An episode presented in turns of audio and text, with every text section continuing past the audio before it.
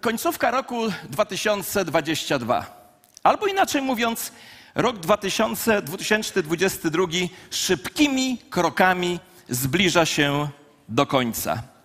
A ja w swoim sercu od kilku dni słyszę pewien werset z Pisma Świętego, który dokładnie sześć lat temu w podobnych okolicznościach i w podobnym czasie pojawił się w moim sercu. I chcę treść tego wiersza skierować do nas wszystkich, także i do siebie, jednak szczególnie chciałbym zadedykować się tym z Was, i posłuchajcie uważnie, chcę zadedykować ten werset tym z Was, którzy nie podjęliście jednej z najważniejszych duchowych, życiowych decyzji. Posłuchajcie więc tego fragmentu Pisma Świętego, który jest zapisany w księdze Jeremiasza w ósmym rozdziale. Przeminęło żniwo, skończyło się lato, a my nie jesteśmy wybawieni.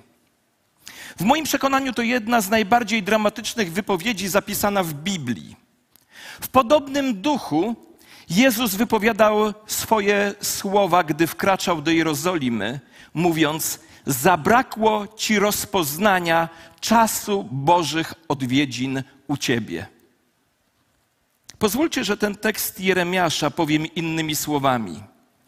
Minął właściwy czas, minęła właściwa pora na najważniejsze duchowe decyzje, a ty nic z tym nie zrobiłeś, nic z tym nie zrobiłaś. Jesteś ciągle w tym samym miejscu. Dziś chcę mówić o duchowych, życiowych decyzjach w kontekście wydarzenia, którego świadkami będziemy za chwilę, czyli w kontekście chrztu. W czasie swojego pastorowania odbyłem wiele, mógłbym powiedzieć setki rozmów dotyczących właśnie tego wydarzenia, dotyczących chrztu i jego istoty. Odbyłem wiele rozmów na temat ważności chrztu, a nawet jego konieczności. Drodzy, to Jezus dał nam chrzest, a Jezus daje dobre rzeczy. Jezus dał, dał nam chrzest, mówiąc: idź, idźcie do najdalszych zakątków świata i głoście tam dobrą nowinę wszystkim bez wyjątku. Kto uwierzy i zostanie ochrzczony, kto uwierzy i zostanie ochrzczony, będzie zbawiony, a kto nie uwierzy, będzie potępiony.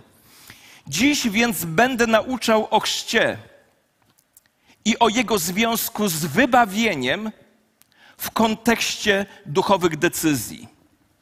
Zacznijmy od odpowiedzi na pytanie, o co chodzi w chrzcie. W liście do Rzymian apostoła Pawła w szóstym rozdziale czytamy: My wszyscy ochrzczeni w Chrystusa Jezusa. Pierwszą rzeczą jest to, że w chrzcie chodzi o Jezusa Chrystusa. W społeczności chrześcijańskiej północ głosimy Ewangelię, co oznacza, że mówimy o Jezusie, mówimy o Jezusie, ale w chrzcie pokazujemy naszą wiarę w Jezusa. Mówimy o Jezusie, mówiąc Ewangelię, a w chrzcie pokazujemy naszą wiarę w Jezusa. W chrzcie pokazujemy śmierć i zmartwychwstanie Jezusa, a zatem Ewangelia jest opowiedziana ustami przez głoszenie i nauczanie, ale jest pokazana przez chrzest, a potem przez codzienne życie. Paweł, używając stwierdzenia, że my wszyscy ochrzczeni w Chrystusa Jezusa, mówi, że w chrzcie jesteśmy połączeni z Jezusem i że jesteśmy w chrzcie włączeni do Kościoła. Tak więc ludzie, którzy zostają ochrzczeni, należą do Boga i należą do ludu Bożego, Kościoła. Chrzest więc wysławia Boga i przynosi korzyści osobie, która jest chrzczona. Jest on także zachętą dla Kościoła, który widzi, że ludzie ciągle spotykają Jezusa. Ale czytajmy ten fragment z listu do Rzymian dalej. My wszyscy ochrzczeni w Chrystusa Jezusa, w śmierci Jego zostaliśmy ochrzczeni. Chodzi więc w chrzcie o śmierć Jezusa. Chrzest nie ma sensu bez Jezusa. Chrzest nie ma sensu bez osobistej wiary chrzczonego w Jezusa. To jest tylko zamoczenie, pokropienie, jeśli nie ma w tym osobistej wiary w Jezusa. Jezus jest synem Bożym, stwórcą wszystkich rzeczy. Wstępuje z nieba jako człowiek. Bierze na siebie ludzkie ciało, ogłasza, że jest synem Bożym, żyje bez grzechu, czystym, doskonałym życiem, jak, jakim my powinniśmy żyć, lecz nam się nie udało. A potem idzie na krzyż i umiera zamiast nas za nasze grzechy. Śmierć, na jaką my zasługujemy, jest tą śmiercią, jaką przeszedł Jezus zamiast nas.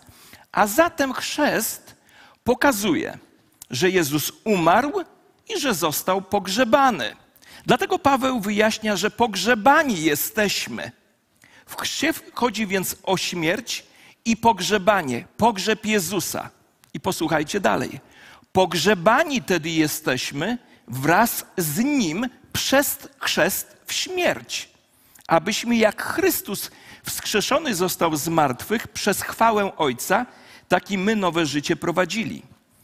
W chrzcie więc chodzi o to, że Jezus żył, Jezus umarł, Jezus został pogrzebany, Jezus powstał z martwych. Zatem chrzest to jest śmierć, to jest pogrzebanie i to jest zmartwychwstanie Jezusa Chrystusa. To jest dokładnie to, o czym mówi, dlatego kiedy chrzcimy, to mówimy, że Jezus umarł za niego, Jezus został pogrzebany za niego i Jezus powstał z martwych dla niego i on kocha Jezusa, a Jezus kocha jego.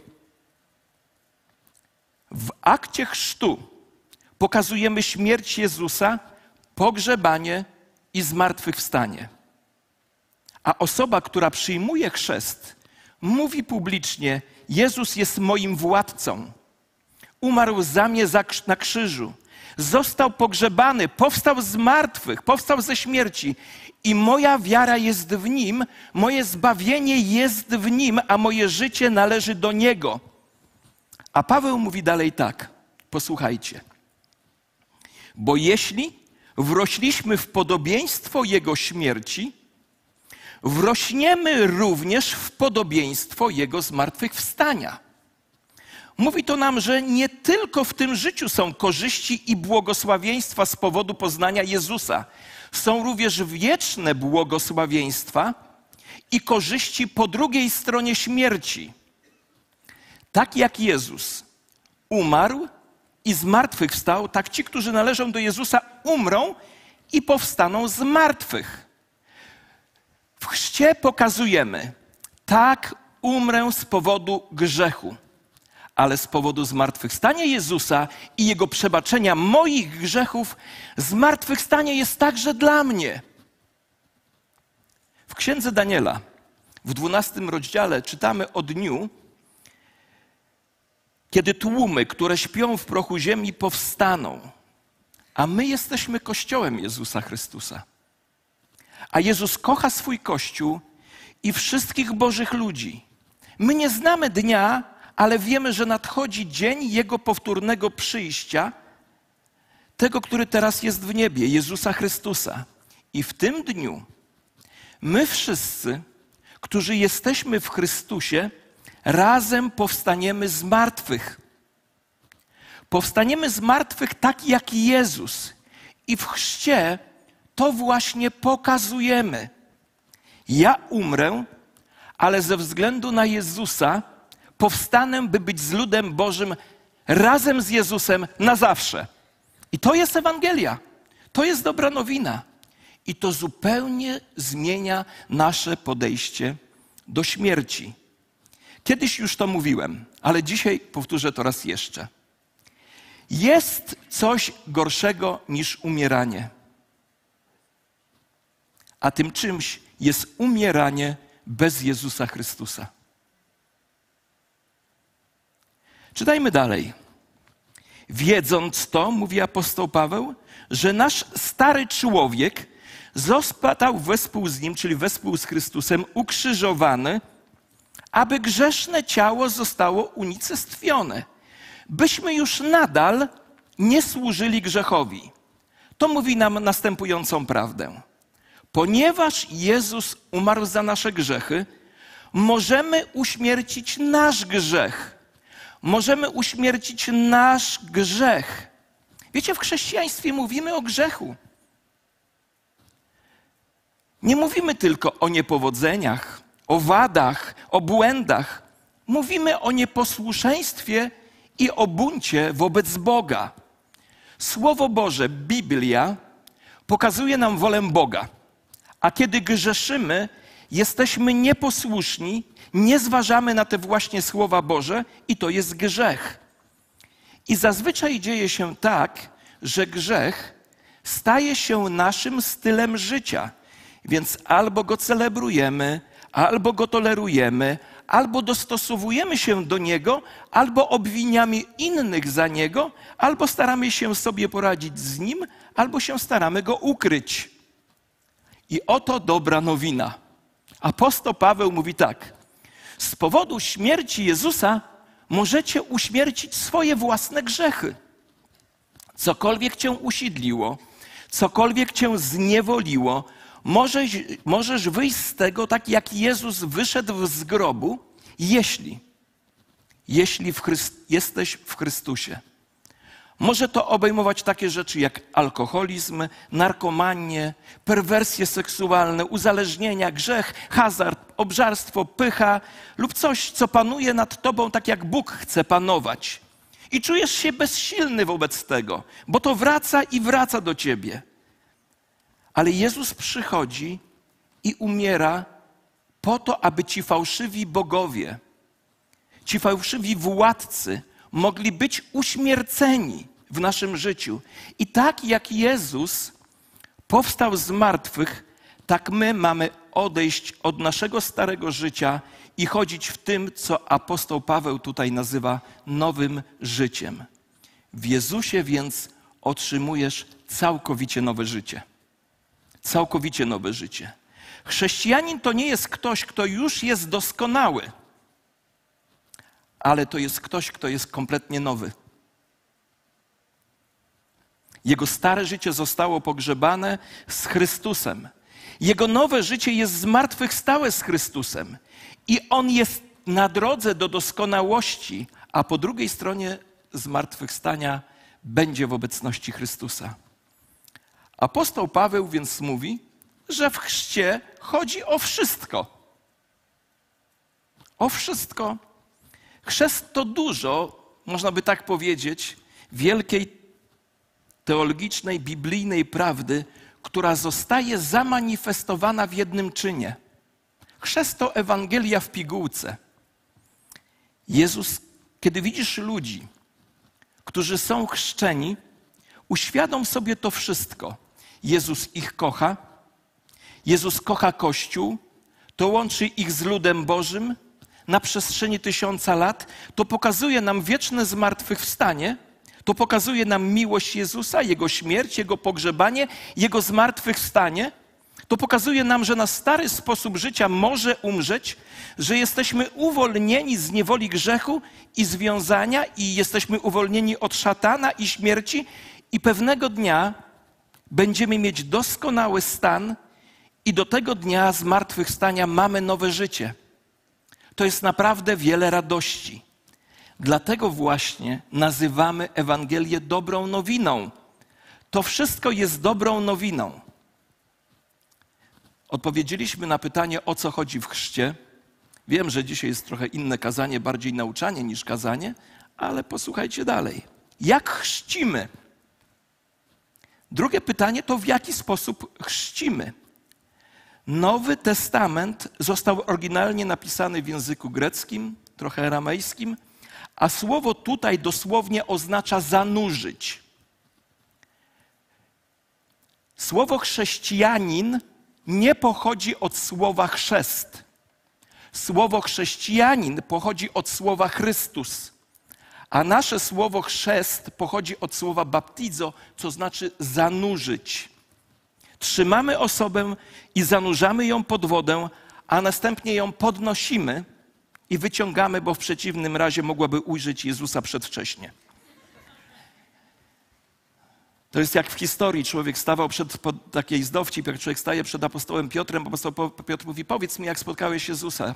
No mówi, no byłem na ewangelizacji, usłyszałem, że Jezus mnie kocha, pomodliłem się, wszedł do mojego życia i co było dalej? Mówi, a dalej to poszedłem do kościoła, no i co było dalej? A dalej no to zostałem zanurzony w wodzie i co było dalej? Dalej to nie pamiętam, bo już jestem przed tobą.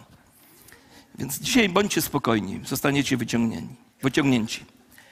Potrzebna, posłuchajcie, w Ewangelii Jana. I Jan także chrzcił w Ainon, blisko Salim, bo było tam dużo wody. Potrzebna więc jest spora ilość wody, aby zanurzyć kogoś. Dlatego Jan, chrzciciel, szukał miejsc z, dużym, z dużymi ilościami wody. Dlatego, że Jezus był całkowicie pogrzebany, dlatego umieszczamy ludzi całkowicie pod wodą. A kiedy wynurzamy ich, pokazujemy, że On naprawdę powstał z martwych. Po chrzcie Jezusa chociażby czytamy, że wyszedł On z wody. A w dziejach apostolskich w ósmym rozdziale czytamy, że zeszli obaj, chodzi tu o Filipa i o doradcę królowej Etiopii, który był eunuchem, zeszli do wody i Filip go ochrzcił. Gdzie poszli? Do wody. Jezus był ochrzczony przez całkowite zanurzenie. Wczesny Kościół udzielał chrztu przez całkowite zanurzenie, i to jest sposób, w jaki chrzest powinien być wykonywany. Dlaczego jest to takie ważne? A powiem Wam, dlaczego jest to takie ważne. Drodzy rodzice, jak mówicie dzieciom, że mają coś zrobić, na przykład mówicie tak: zanim włożysz kabelek do, yy, drucik do kontaktu. Tak rodzice nie mówią, nie? ale taki przykład wzięty z powietrza. To najpierw załóż izolację na ten drucik. A dziecko mówi, a co tam za różnica kolejność? Najpierw włożę drucik do kontaktu, a potem włożę izolację. Nie, chcemy całkowitego posłuszeństwa i tu tak samo. Jezus wyznaczył pewien pewną kolejność, dokładność, mówi o zanurzeniu i dlatego powinniśmy to robić. Kolejne pytanie: dlaczego chrzcimy? Ponieważ jest to akt posłuszeństwa.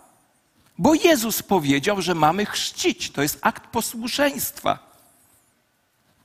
I jak każdy akt posłuszeństwa, taki ten wiąże się z błogosławieństwem. Jezus nakazał go, po jego śmierci, pogrzebaniu, zmartwychwstaniu, jego w niebo wstąpieniu, przed jego w niebo wstąpieniem mówi tak w Ewangelii Mateusza: Idźcie i czyńcie uczniami wszystkie narody, chrzcząc je w imię Ojca, Syna i Ducha Świętego. Chrzcimy więc ludzi w imię Ojca, Syna, Ducha Świętego, a Jezus mówi, że ludzie mają być chrzczeni i czynieni uczniami. I to nie oznacza, że są tylko chrzczeni, ale oni mają być czynieni potem uczniami. Jeśli chodzi o nas, to my zapraszamy tych, którzy są nowymi chrześcijanami do przyjęcia chrztu, a następnie albo do grupy domowej, albo do jakiejś innej grupy, aby budować więzi. Zapraszamy do modlitwy, do studium biblijnego, do misji, do wzrostu. Nie, ch nie chcemy, aby ludzie byli tylko ochrzczeni, ale by także stawali się uczniami, tak aby mogli dojrzewać wierze chrześcijańskiej, gdyż Jezus nakazał obie te rzeczy chrzcić i czynić uczniami. A potem uczniowie Jezusa głosili dokładnie to samo. W dziejach apostolskich, w drugim rozdziale, czytamy słowa Piotra. Piotr staje w dniu pięćdziesiątnicy i mówi tak: Upamiętajcie się i niechaj się każdy z was da ochrzcić. Najpierw upamiętajcie się, a potem niech się z was da każdy ochrzcić. Inaczej mówiąc, odwróć się od grzechu i zaufaj Jezusowi i ochrzcij się, aby pokazać, co Jezus zrobił dla ciebie. Pokazać, że mu ufasz. I niech świat się dowie, że jesteś w gronie naśladowców Jezusa. Dlaczego chrzcimy? Z posłuszeństwa. Ilu z Was jest chrześcijanami i wie, że jesteście chrześcijanami, ale nigdy nie zostaliście ochrzczeni, posłuchajcie wyraźnie, jako wyraz Waszej osobistej i świadomej decyzji. Pozwólcie mi zachęcić, pozwól mi zachęcić się do rozważenia. Czy jesteś chrześcijaninem? Czy odwróciłeś się od grzechu? Czy zaufałeś Jezusowi? I czy zostałeś ochrzczony? Jeśli nie, to jaki jest powód tego nieposłuszeństwa? A ja ci powiem, że Twoje posłuszeństwo wysławia Boga, przynosi Tobie radość i pozwala nam świętować z Tobą, że Jezus kocha swój Kościół. I jeszcze jedno pytanie. Kogo chrzcimy? Chrzcimy osoby, które są na tyle dojrzałe, aby okazać i wyrazić chrześcijańską wiarę. Kolejność w Biblii jest zawsze następująca: upamiętanie, wiara i chrzest. I jeszcze raz to powtórzę: upamiętanie, czyli odwrócenie się od grzechu, wiara w Jezusa, a potem chrzest. Tak właśnie jest. I oto przykład, właśnie dzieje apostolskie. A Piotr do nich rzekł: Upamiętajcie się i niechaj się każdy z was da ochrzcić. Najpierw upamiętanie, a potem chrzest. Chrzest jest dla tych, którzy świadomie odwrócili się od grzechu, bo upamiętanie to uznanie: jestem grzesznikiem, Jezus jest moim zbawicielem, ja Jego potrzebuję. Wierzę w Jego śmierć, w Jego pogrzebanie i w Jego zmartwychwstanie. I tak upamiętanie jest odwróceniem się od grzechu do Jezusa, a następnie chrzest pokazuje, że wierzysz w Jego śmierć, w Jego pogrzebanie i zmartwychwstanie za Twój grzech. Upamiętaj się, a następnie daj się ochrzcić. Ale jest bardzo ważne pytanie. Posłuchajcie je uważnie. Czy chrzest zbawia od grzechu? Ja nie pytam, czy chrzest zbawia, tylko czy chrzest zbawia od grzechu. My tutaj w społeczności chrześcijańskiej Północ nie wierzymy, że chrzest zbawia od grzechu, bo od grzechu zbawia tylko Jezus. Pastorzy nie zbawiają, kościoły nie zbawiają, chrzest nie zbawia, Jezus zbawia. Nic nie daje więcej bezpieczeństwa niż pokładanie swojej ufności, swojej wiary w Jezusie. Można więc być zamoczonym, zanurzonym i nie być zbawionym, jeśli nie było to poprzedzone wiarą. Zobaczcie, co mówi apostoł Paweł w liście do Efezjan, drugim rozdziale. Albowiem łaską zbawieni jesteście. Jak jesteśmy zbawieni? Dzięki łasce Jezusa. Dostęp do tej łaski jest przez wiarę. To ufanie Jezusowi, to pokładanie ufności tylko w Jezusie, w niczym i w nikim innym, tylko w Jezusie, nawet nie w chrzcie. To wszystko, nic więcej.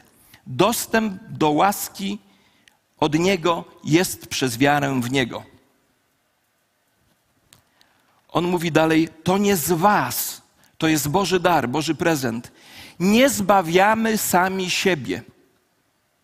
Nie mogę ja Ciebie zbawić, Kościół nie może Ciebie zbawić, chrzest nie może Ciebie zbawić, wieczerza nie może Ciebie zbawić, Jezus zbawia.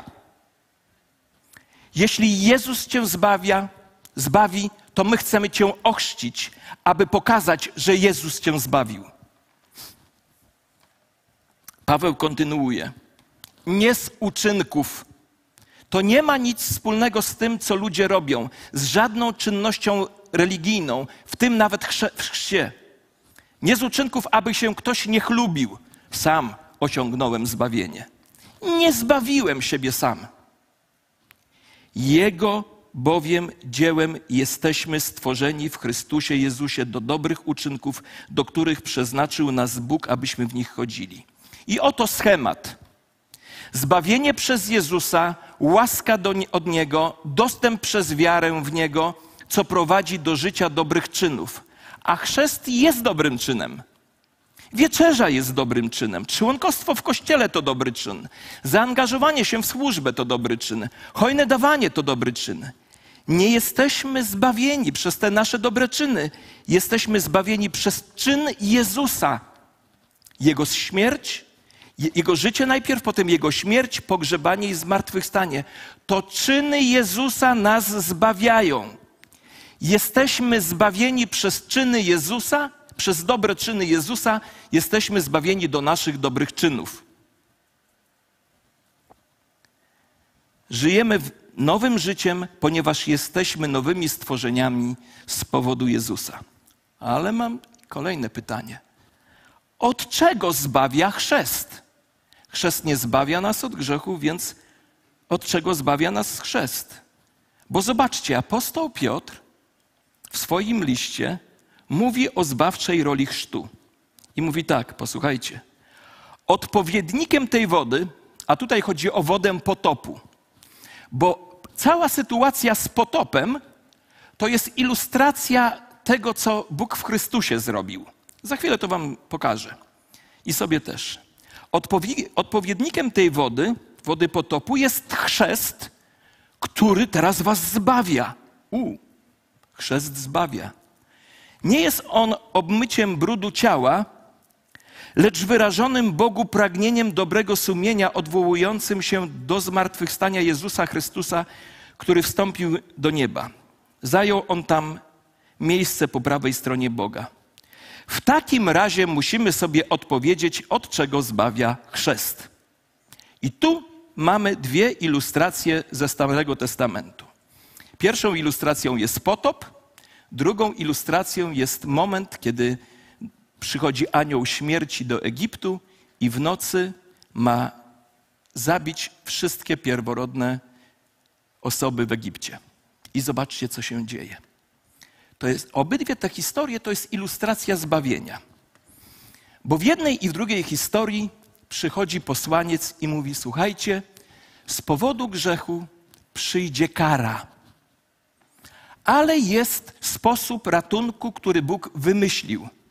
Ten sposób ratunku nie ma nic wspólnego z waszymi uczynkami, z waszą przeszłością i teraźniejszością, a nawet z waszą przyszłością.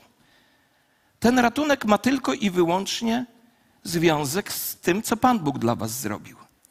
I w pierwszej historii Noe przychodzi, do Noego przychodzi ta informacja, że Bóg ukaże świat z powodu grzechu. Do Mojżesza przychodzi anioł i mówi, Bóg ukaże świat z powodu grzechu, ale za każdym razem Bóg daje swój sposób ratunku.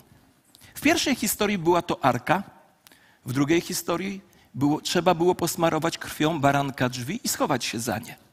I wyobraźcie sobie tę historię. Ja zajmę się tylko powiedzmy potopem. Ja jestem Noe. Przychodzę i mówię: Słuchajcie, Bóg będzie karał świat z powodu grzechu, ale Bóg dał ratunek. To jest ta łódka, którą zbudowałem. Każdy, kto wsiądzie do łódki, będzie ocalony, a kto nie wsiądzie, zginie.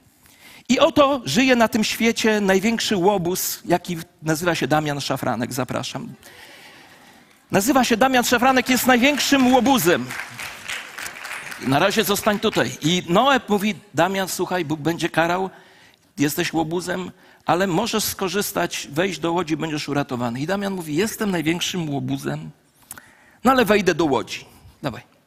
Został uratowany czy zginął? Dlatego, że był dobry? Nie, bo skorzystał z Bożego sposobu ratunku.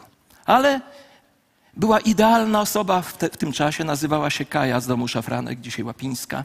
I przyszedł do niej no, Noe i mówi, Kaja, jesteś, Bóg z powodu grzechów będzie sądził ludzkość i ziemia zostanie zatopiona, to będzie kara za grzech, ale może zostać uratowana, wystarczy wsiąść do łodzi.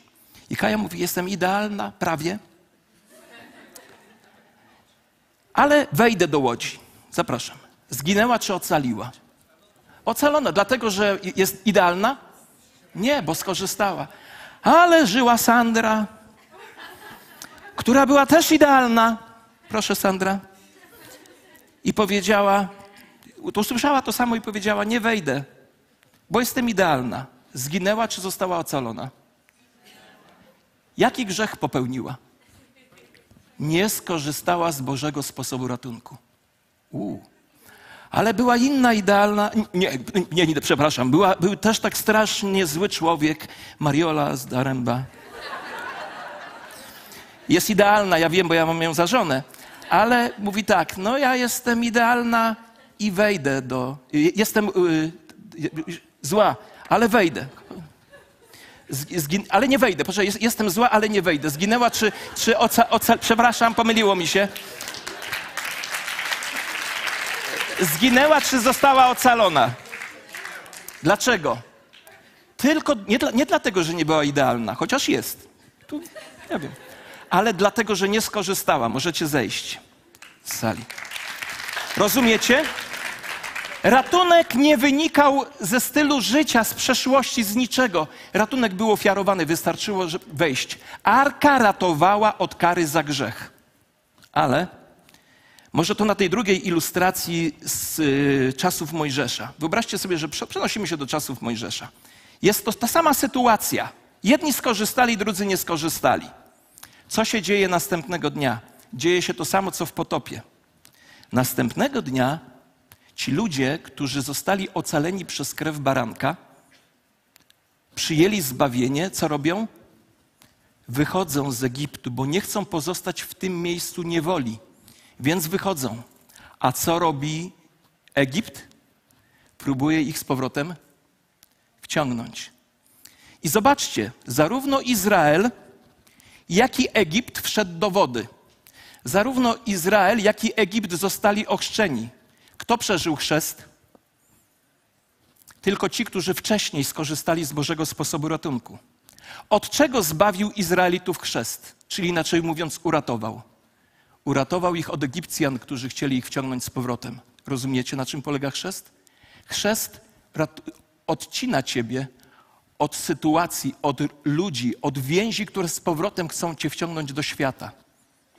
Wielu ludzi nie chrzci się, a potem się dziwi, coś się dzieje w moim życiu. Ciągle mam upadki, ciągle wracam. A to dlatego, że nie skorzystałeś z tego, co przynosi zbawienie od pewnych rzeczy, które z powrotem chcą ciebie wciągnąć.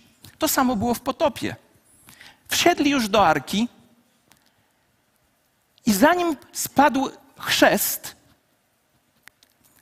Tamci ludzie mogli stukać warkę, co, co, nie skorzystali z Bożego sposobu ratunku, mówić: hej, głupki, wysiądźcie stamtąd, nie ma żadnej kary. I dopiero chrzest zbawił tych, którzy są w arce, od tych, którzy do arki nie weszli. Rozumiemy? Czy ja powiedziałem to jasno? Tu na tym polega chrzest. Wiecie, jak jesteś w rodzinie hinduskiej, Możesz być wyznawcą Jezusa. Postawią Jego posążek wśród tysiąca swoich bóstw. Ale jak powiesz, chcę wyznać wiarę w chrzcie, to dla nich wszystkich jest znak. Odcina się od innych bóstw, którego chcą wciągnąć. Widziałem to wiele razy. Wierz sobie w Pana Jezusa. Chrzest? O nie, nie przesadzaj. Chrzest ma zbawienną moc, bo odcina nas w pewien sposób od pewnych więzi, które próbują nas z powrotem wciągnąć. W obu przypadkach potopu i Mojżesza woda zbawiła ich od wpływów, które mogły ich znowu wciągnąć w niewolę. Ostatnia minuta mojego kazania. Niektórzy pytają, no ale w takim razie, czy powinienem być powtórnie ochrzczony? Byłem ochrzczony jako niemowlę. W zasadzie pokropiony, ale w technikę nie wchodźmy. Ostatnie pytanie, czy powinienem być ochrzczony powtórnie? Większość z Was, tak jak ja, byliście ochrzczeni jako niemowlę. Ja zostałem ochrzczony jako noworodek, jako małe dziecko, a potem, kiedy stałem się chrześcijaninem i zostałem zbawiony, spotkałem Jezusa i stałem się nowym człowiekiem, wiedziałem, że powinienem dać się ochrzcić. Jeszcze inni może zostali ochrzczeni w grupach pseudochrześcijańskich i może pytasz, czy mam się ochrzcić ponownie, gdy teraz poznałem Jezusa z Biblii i naprawdę jestem chrześcijaninem. A co w przypadku, gdy zostałeś ochrzczony w kościele jako niechrześcijanin, dlatego że czułeś presję, albo była fajna dziewczyna, albo fajny chłopak i trzeba było, żeby był ślub. I potem wiele lat później stałeś się chrześcijaninem, spotkałeś Jezusa. Czy powinieneś oddać się ochrzcić? Apostoł Paweł w liście do Efezjan mówi: jeden Pan, jedna wiara, jeden chrzest. Tak więc nasz pogląd jest taki, że chrześcijanin, ale chrześcijanin, który świadomie przyjął Jezusa i został na wyznanie swojej wiary ochrzczony, nie powinien chrzcić się wiele razy.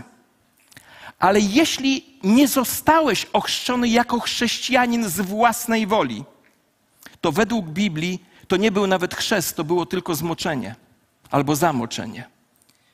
Wiecie, w Piśmie Świętym jest wydarzenie, gdzie kilku ludzi zostało ochrzczonych, chociaż nie znali jeszcze Jezusa, więc ponownie później zostali ochrzczeni jako wierzący.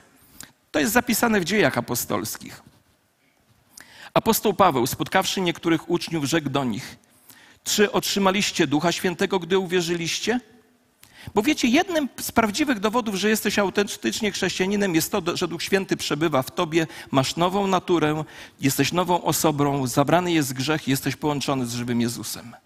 I Paweł spotyka ludzi, oni są religijni, tak jak niektórzy z nas, są moralni, są przyzwoici, a on mówi: Czy macie Ducha Świętego? A oni mówią: Nawet nie słyszeliśmy, że jest Duch Święty. To jak zostaliście ochrzczeni? No, chrztem Janowym. I wiecie, co jest ciekawe z chrztem Janowym? Jan chrzcił, i posłuchajcie uważnie, Jan chrzcił w nadziei, że oni kiedyś uwierzą w Jezusa, w Mesjasza, który przyjdzie. Tak jak nasi rodzice czy nasi bliscy zanieśli nas do, do takiego czy innego kościoła jako niemowlęta i przeszliśmy ceremonię chrztu z nadzieją, że kiedyś uwierzymy w Jezusa. To było oparte na wierze naszych rodziców. To jest ta sama sytuacja. Oni też zostali ochrzczeni przez Jana w nadziei, że kiedyś uwierzą w Mesjasza. I Paweł rzekł tak do nich. Jan chrzcił chrztem upamiętania i mówił ludowi, żeby uwierzyli. Uwierzyli, czas przyszły, w tego, który przyjdzie po nim. To jest w Jezusa. A gdy to usłyszeli, zostali ochrzczeni. Po raz drugi, ale jako osobistej wiary w Pana Jezusa. Może więc jest tak, że niektórzy z Was chodzili na spotkania religijne, jesteście moralnymi ludźmi, wierzycie w Boga, próbujecie dobrze postępować.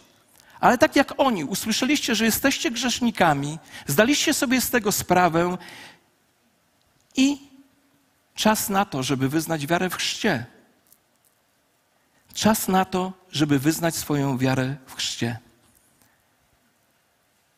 A w chrzcie, jak już mówiłem, chodzi o śmierć Jezusa, pogrzebanie, zmartwychwstanie za nasze grzechy i posłuchaj uważnie.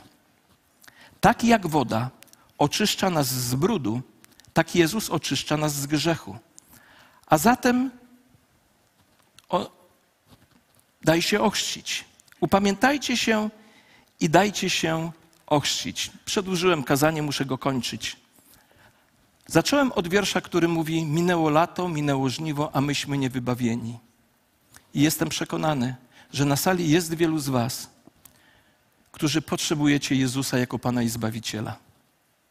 Potrzebujecie przyjąć darmowy dar łaski, wsiąść do arki, schować się za krew baranka. Inaczej mówiąc, uwierzyć w Jezusa i przyjąć na, nie, na siebie tą całą dostojeństwo tego wszystkiego, co zrobił na krzyżu i dać wyznać wiarę w chrzcie. Nie musi być długi czas między jednym a drugim. Biblia opisuje ludzi, którzy usłyszeli Ewangelię i od razu dali się chrzcić, dlatego że wiedzieli, że chrzest ma ogromne znaczenie. Za chwilę będziemy świadkami chrztu. Posłuchacie kilka świadectw, a ten czas będzie czasem danym tym z nas, którzy nie zostali ochrzczeni, najpierw nie zostali zbawieni, a potem nie zostali ochrzczeni, do tego, żeby podjąć decyzję. My jesteśmy dzisiaj gotowi, żeby was ochrzcić jeśli ten chrzest jest poprzedzony waszą osobistą wiarą. Posłuchajmy teraz świadectw.